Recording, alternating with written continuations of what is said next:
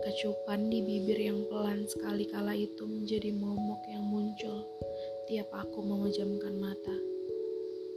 Ciuman sembunyi-sembunyi itu aku layangkan tepat sebelum aku pulang sore itu. Rasanya nyeri sekali.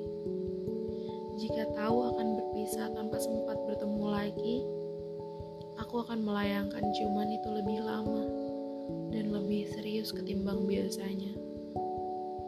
Katakan padaku, apakah kau sudah ada firasat bahwa itu akan menjadi ciuman terakhir kita?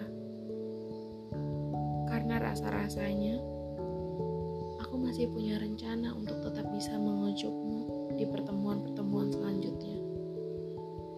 Tapi sekarang, pertemuan-pertemuan itu rasanya hanya mimpi, mengingat kamu sudah tidak sendiri lagi.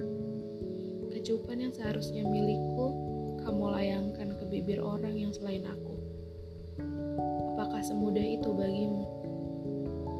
Apakah ciuman kecil terakhir kita itu tak begitu membekas di pikiranmu? thank you